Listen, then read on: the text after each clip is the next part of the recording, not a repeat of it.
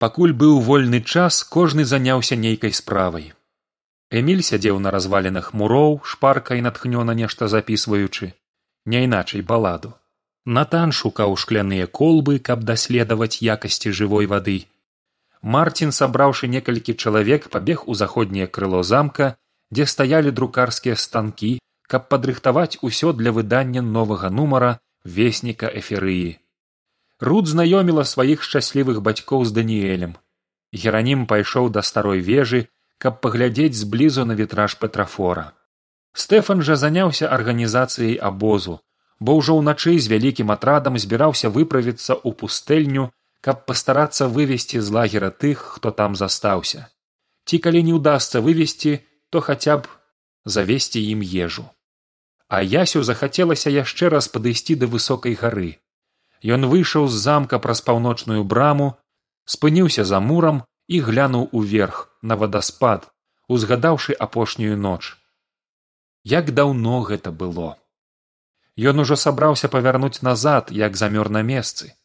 Па схіле самавіта нетаропка спускаліся чатыры стварэнні, тыя самыя, з якімі ён размаўляў на гары.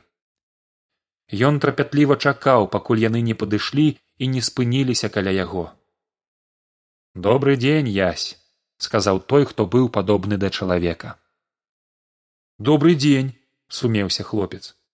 Падобны да чалавека паглядзеў на яго. Гэтыя прыгоды толькі пачатак твайго жыцця. Цяпер у цябе ёсць зямля под нагамі і неба над галавою. Не забывай пра гэта дома ясь з надзеяй запытаўся. Я змагу вярнуцца дамоў гэта не складана я хацеў бы ўзяць з сабой жывой вады. Мне трэба для ты можаш узяць калі хочаш. Але гэта не абавязкова. Мірка выздаравее. Халі не паверыў сваім вушам язь сёння. Ён адчуў як па яго скуры прабеглі мурашкі. Я хацеў запытацца хвалюючыся сказаў язь той хлопчык пастушок які згубіў авечку сёння раніцай на гары той які дапамог мне знайсці крыніцу жывой вады. Ён казаў што яго тата быў там блізка. Я хачу ведаць ягоны тата гэта творца? Так адказаў падобны да чалавека. Творца эферыі творца ўсяго. Раскажыце мне аб ім попрасіў язь ён самы моцны падумаўшы сказаў леў. І самы вышні дадаў арол. Яшчэ ён вялікі сказаў схіліўшыся да яся бык. І ён добры дадаў той што быў падобны да чалавека. У вертагардзе панавала зараз падвойнае пачуццё. Жалоба па забітых і радасць ад вялікай перамогі На шчасце загінулых паўстанцаў было не так шмат, як на пачатку здалося ясю, а ўсе параненыя змаглі атрымаць ацаленне. Варта было выпіць толькі глыток жывой вады альбо акунуцца ў раку. Большасць вормараўскіх жаўнераў таксама акуналіся. Хаця былі і такія, якія атрымаўшы нават смяротныя раны забаранялі прыносіць ім жывую ваду. Яны ўрэшце рэшт паміралі. Тым часам захоўнікі зноў сабраліся ля замка ну як прайшлі доследы запытаўся ў натана марцін на выгляд і смак вада той сцепануў плячыма. Увогуле я вырашыў даць у сваім жыцці месца цуду тым больш што цуды таксама здзяйсняюцца паводле сваіх законаў дадаў геранім. Проста чалавек гэтыя законы не ведае выяўляецца што скарыстацца жывой вадой ты можаш пакуль ты жывы і гэта лагічна заўважыў натан гледзячы на раку. Цікава а што рабілі вормар з калідам там у вежы запытаўся ясь павярнуўшыся да стэфана. Як мы цяпер высветлілі яны збіраліся патрапіць у паўночна заходнюю вежу зайсці ў якую знізу немагчыма бо асноўная лесвіца там замураваная. Але аказалася што там існуюць вузкія таемныя сходы якія спускаюцца ажно да самых падмуркаў і праз тунэль выводзіць у суседні лес. Хто ведае можа быць менавіта гэтым шляхам вормар і яго галаварэзы патрапілі ў замак у той дзень калі захапілі арыстарха. Па ўсім вертагардзе іграла музыка. Людзі святкавалі перамогу. Ім было цяжка паверыць што цёмныя часы сышлі ў нябыт. Усе хто бачыў яся і стэфана радасна махалі ім рукамі. Людзі вітаюць цябе бачыш сказаў стэфан чаму? Таму што ты варты быць уладаром эферыі ты зрабіў для перамогі найбольш і ты знайшоў жывую ваду. Ясь захітаў галавой. Не я. Жывую ваду знайшоў іншы. Той хто быў дастойны. Ты гаворыш загадкамі адказаў стэфан. Але так ці інакш я хацеў бы прапанаваць табе стаць уладаром нашай краіны. Арыстарха няма і хоць яго сумленнае імя адноўлена аднак гэта яго да нас не верне а нам патрэбны ўладар. Іншыя захоўнікі заківалі галовамі. Ясь нават засмяяўся ад такой нечаканай прапановы. Я? Ды вы што? Не не! Уладаром эферыі мусіш быць ты стэфан.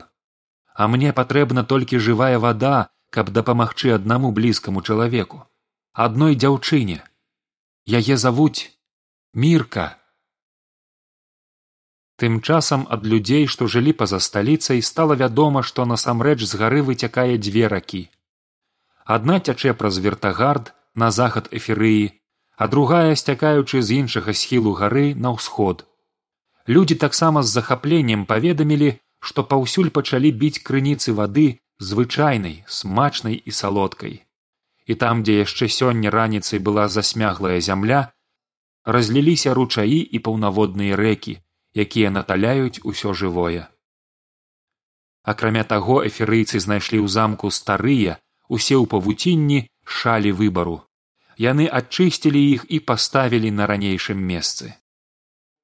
У вызначаны час жыхары вертагарда і прылеглых гарадкоў сабраліся ля замка ўладароў дзе мусіла адбыцца агульнае святкаванне. Калі да людзей выйшаў стэфан увесь народ стаў выгукваць ягонае імя. Ён падняў руку людзі змоўклі.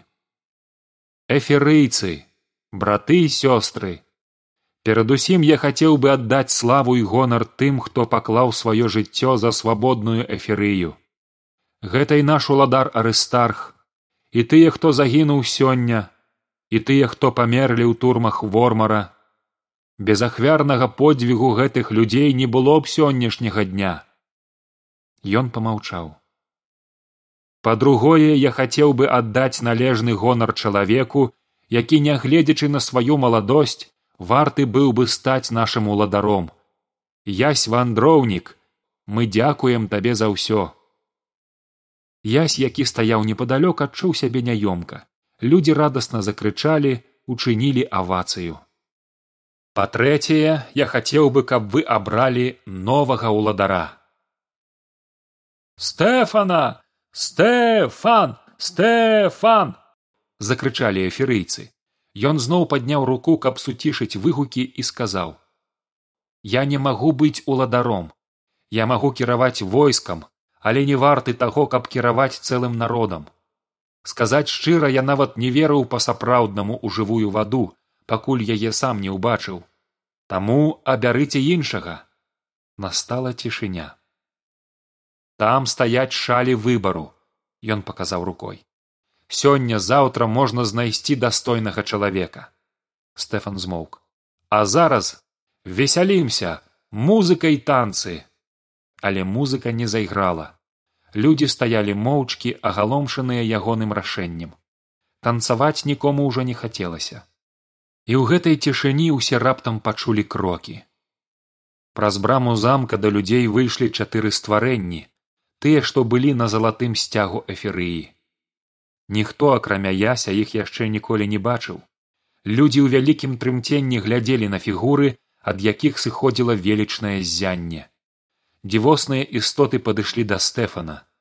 Ясь не пачуў словаў а можа іх і не было але калі чацвёрка развярнулася стэфан пайшоў за імі.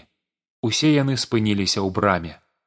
Яны размаўлялі з захоўнікам і ён адказваў апусціўшы галаву. Потым штосьці сказаў той які быў падобны да чалавека і стэфан усміхнуўся. Пасля гэтага чатыры істоты рушылі назад і зніклі за брамай замка ўладароў. Стэфан вярнуўся на сваё месца і ясю падалося што шосты захоўнік выглядае цяпер куды больш свабодна і радасна. Можаце выбіраць каго палічыце вартым сказаў стэфан людзям. А цяпер музыка! Свята працягвалася да позняга вечара. У горадзе наладзілі выплаўку і раздачу новых медных жэтонаў для шаляў выбару. Эферыйцы поўныя надзеяў складвалі іх у правую чашу шаляў, абіраючы ўладаром стэфана. Марцін, назіраючы за гэтым, вырашыў, што ў першым свабодным выпуску весніка эферыі будуць два галоўныя артыкулы цудоўная перамога і нечуванае адзінства эферыйцаў. Стэфан склікаў сяброў і паведаміў пра адну рэч якую сказалі яму чатыры істоты у лагер які знаходзіўся ў пустэльні ісці не абавязкова. Рака што пацякла на захад прайшла скрозь пустэльню і лагер. Сама пустэльня ў гэтыя гадзіны мяняецца. Там паказалася трава з'явіліся парасткі адмысловых дрэваў лісты якіх будуць добрым сродкам для лекавання акрамя таго цяпер любы чалавек можа спакойна выйсці з лагера і вярнуцца дамоў не баючыся што пустэльня паверне яго назад стэфан ужо адправіў пасланца туды каб паведаміць людзям радасную навіну. Калі сцямнела і запалілі вогнішчы ясь набраў у біклашку жывой вады з ракі і прыйшоў развітацца з астатнімі. Я сыходжу проста сказаў ён.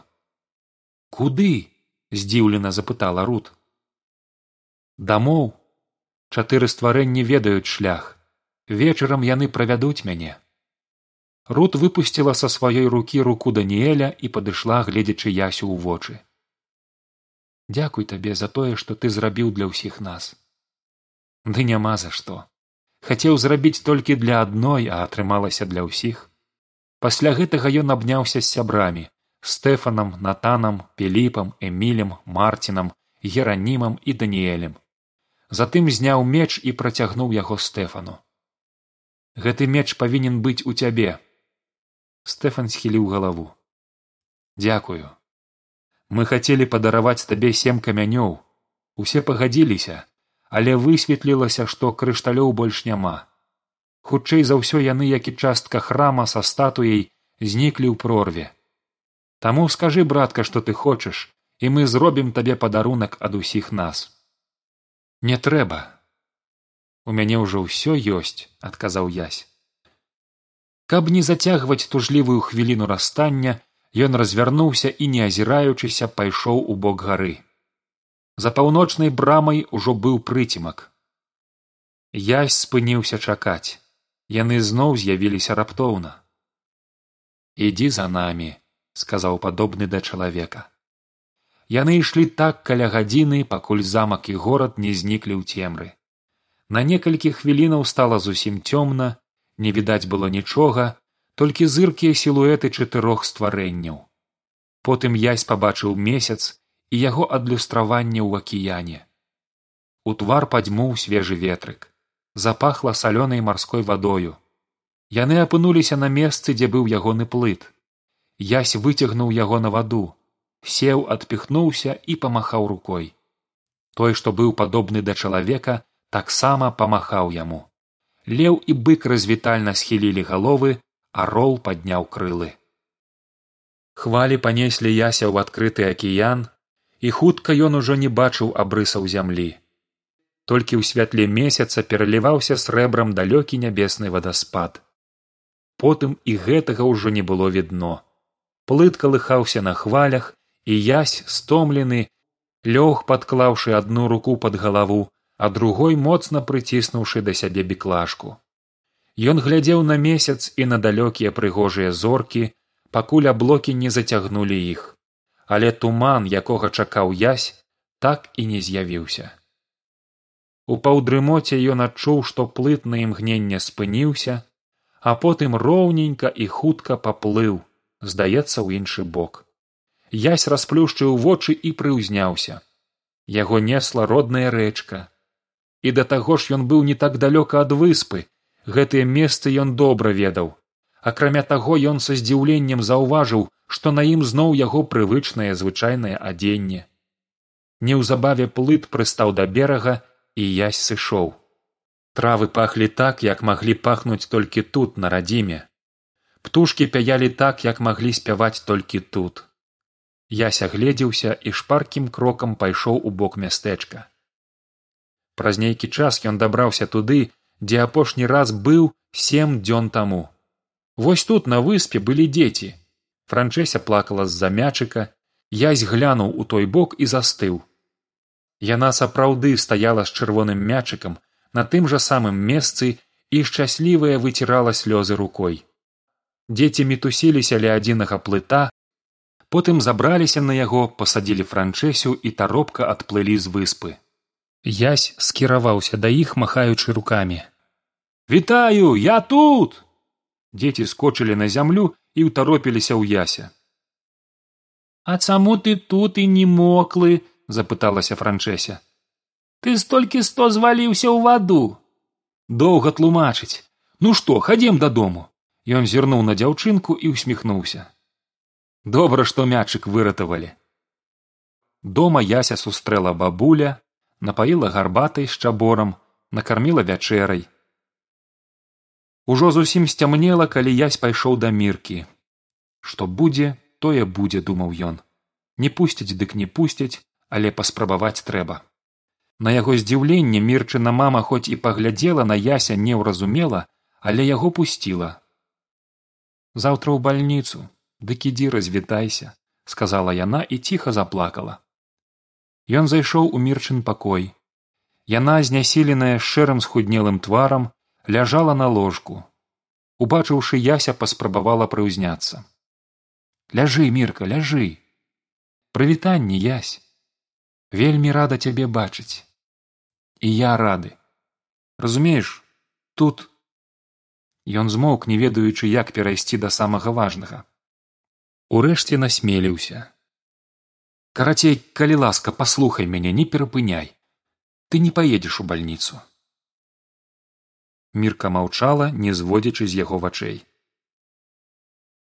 памятаеш мы глядзелі з табой на зоркі працягваў язь і ты сказала што ёсць той хто гэта стварыў? Так. І што ёсць рэчы якія мы ведаем і рэчы ў якія мы можам пакуль толькі верыць? Памятаю павер мне ў адным ты ўжо сёння будзеш здаровая а дзе жывая вада раптам запыталася мірка яся галомшана зірнуў на яе я заснула перад тваім прыходам відаць сённяшні дзень мяне зусім выматаў сказала яна. Дзіўны быў гэты сон незвычайны зусім у ім ты прынёс мне жывую ваду і я выздаравела вада ў мяне з сабой усё яшчэ ў здзіўленні прамовіў ён.